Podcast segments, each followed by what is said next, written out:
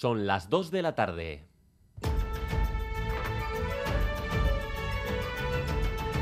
Crónica de Euskadi.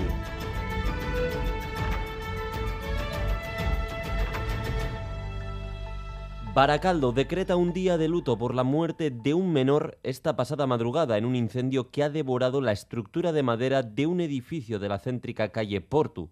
Las llamas sorprendían a los vecinos en un sábado de fiestas de la localidad que ha quedado totalmente ennegrecido había una llama muy, muy, muy grande. Encima el edificio es de madera, la madera prende, la gente tirándose por las ventanas. Había unas llamaradas desde el cuarto hasta el tercero, pero bastante fuerte. Y luego, claro, ¿cuál fue mi sorpresa? Que veía a críos intentando bajar por la fachada, algunos se cayeron, el padre creo que también se le cayó encima al crío, o sea, ese tipo de cosas.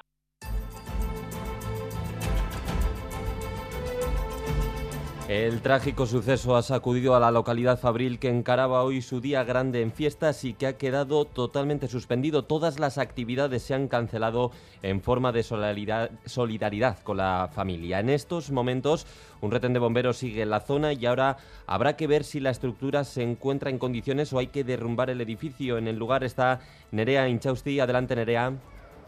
Hola, sí, en estos momentos un retén de bomberos se encuentra en la Plaza Auzolán de Baracaldo. Llevan toda la mañana refrescando el edificio y asegurando los cimientos, cimientos, ya que tiene estructuras de madera y existe riesgo de desplome.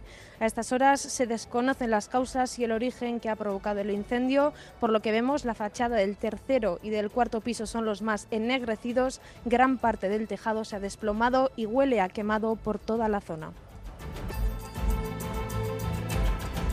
Además es último domingo de campaña, una semana queda para las elecciones generales y en medio de las vacaciones de verano para mucha gente eso se está dejando notar en nuestro interés por la campaña, así lo demuestra el último EITV Focus. Ainhoa Iglesia, León. A León parece que esta campaña para las elecciones generales no está despertando demasiado interés en la ciudadanía vasca que quizás esté en modo verano. Solo un 9% dice estar siguiéndola de manera más intensa que en otras ocasiones. Casi la mitad de la población no la está siguiendo porque no las suele seguir o porque le está haciendo menos caso que en anteriores comicios. Eso sí, la mayoría considera que el Partido Popular de Feijó va a ganar el próximo domingo. Lo creen 4 de cada 10 ciudadanos de la CAP y casi 6 de cada 10 navarros. Enseguida les ofrecemos también la valoración de los partidos abertzales en el Congreso y la de cada uno de los líderes. Esta mañana aquí en Radio Euskadi, la secretaria general de Unión Europea y Acción Exterior de Gobierno Vasco, Marian Elorza, no descartaba que pueda elevarse al Tribunal de Estrasburgo la última sentencia del Constitucional que anula la ley sobre el uso exclusivo del euskera en los ayuntamientos vascos. Es hora, decía Elorza, que el lema europeo pase de palabras a los hechos. El lema de la Unión Europea es unidos en la diversidad y yo creo que ya va siendo hora de que ese lema se traslade de un cartel ah, y se traduzca en hechos, en hechos muy concretos, que en el caso de, la lengua, que en el caso del euskera pasa por el reconocimiento pleno y el respeto absoluto a todas las lenguas cooficiales.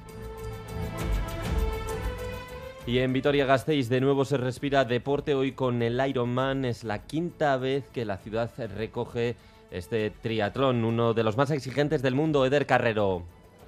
Sí, la ciudad quiere estar a la altura una vez más y así está siendo. Miles de seguidores vibran por el Ironman. A las 2 menos 20, hace poco menos de 20 minutos, hemos presenciado la primera transición de la bicicleta a pie. Ya van llegando las primeras triatletas y en pleno centro de la ciudad donde comienzan esos 42 kilómetros restantes para terminar esta prueba exigente. La ciudad se encuentra vallada con la alfombra roja en modo gala. Como decimos, esta semana nos visitan centenares de seguidores de muchos países del mundo que nos cuentan que se quedarán por unos días más en nuestras ciudades. Turismo nacional e internacional en el marco de una prueba exigente, un triatlón de élite que la ciudadanía agradece encantada poder acoger otro año más. Y más titulares del deporte aquí en Radio Euskadi con John Subieta. Arrachaldeón, John. Hola, Arrachaldeón. Orio ha acogido una nueva cita Raulari después de que Ondarribía en categoría masculina y Arraun Lagunac en la femenina se impusieran ayer en Bilbao. En aguas guipuzcoanas, por tanto, triunfo ha correspondido a Urdaibai en categoría masculina. En chicas, triunfo para Orio. Pasamos al Tour de Francia, ya que hoy se va a vivir una etapa muy montañosa con tres puertos de primera categoría con llegada a Saint-Gervais-Mont-Blanc. Gorka Izaguirre estaba inmerso en una fuga con varios efectivos, pero ha sido neutralizada. El Atlético, hablamos de fútbol, se cita esta tarde a las 8 con el Chivas de Guadalajara en devolución del primer encuentro disputado en Bilbao con motivo del torneo Árbol de Guernica. Y en pelota, hoy se disputa la final de cesta del Gran Slam de Marquina con Erquiega y Barbucea y Baradica y Vázquez como protagonismo.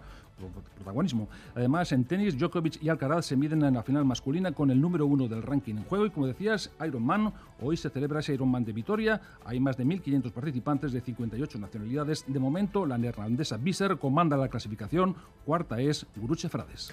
En cuanto al pronóstico del tiempo, vamos a repasarlo con Euskalmete, Gusquiñe y Turrioz, Arracha León. A León, durante las próximas horas se pueden abrir algunos claros en la mitad norte, pero seguiremos con abundante nubosidad y al anochecer se volverá a cubrir el cielo. En el sur estará soleado por la tarde, pero por la noche también aparecerán más nubes. Por la tarde el viento del noroeste será intenso y apenas habrá cambios en las temperaturas. Y el lunes estará nuboso a primeras horas de la mañana, con nubosidad baja compacta y es posible que llovizne un poco en la mitad norte. Aún así, a medida que avance la mañana, la nubosidad irá disminuyendo y durante la tarde predominará el ambiente soleado. Soplará el viento del nordeste por la tarde con más intensidad y las temperaturas subirán. En el litoral nos acercaremos a los 25 grados y en el interior las máximas se situarán entre los 25 y los 30 grados. En el control técnico Aitor Balaga y Joseba Urruela comenzamos.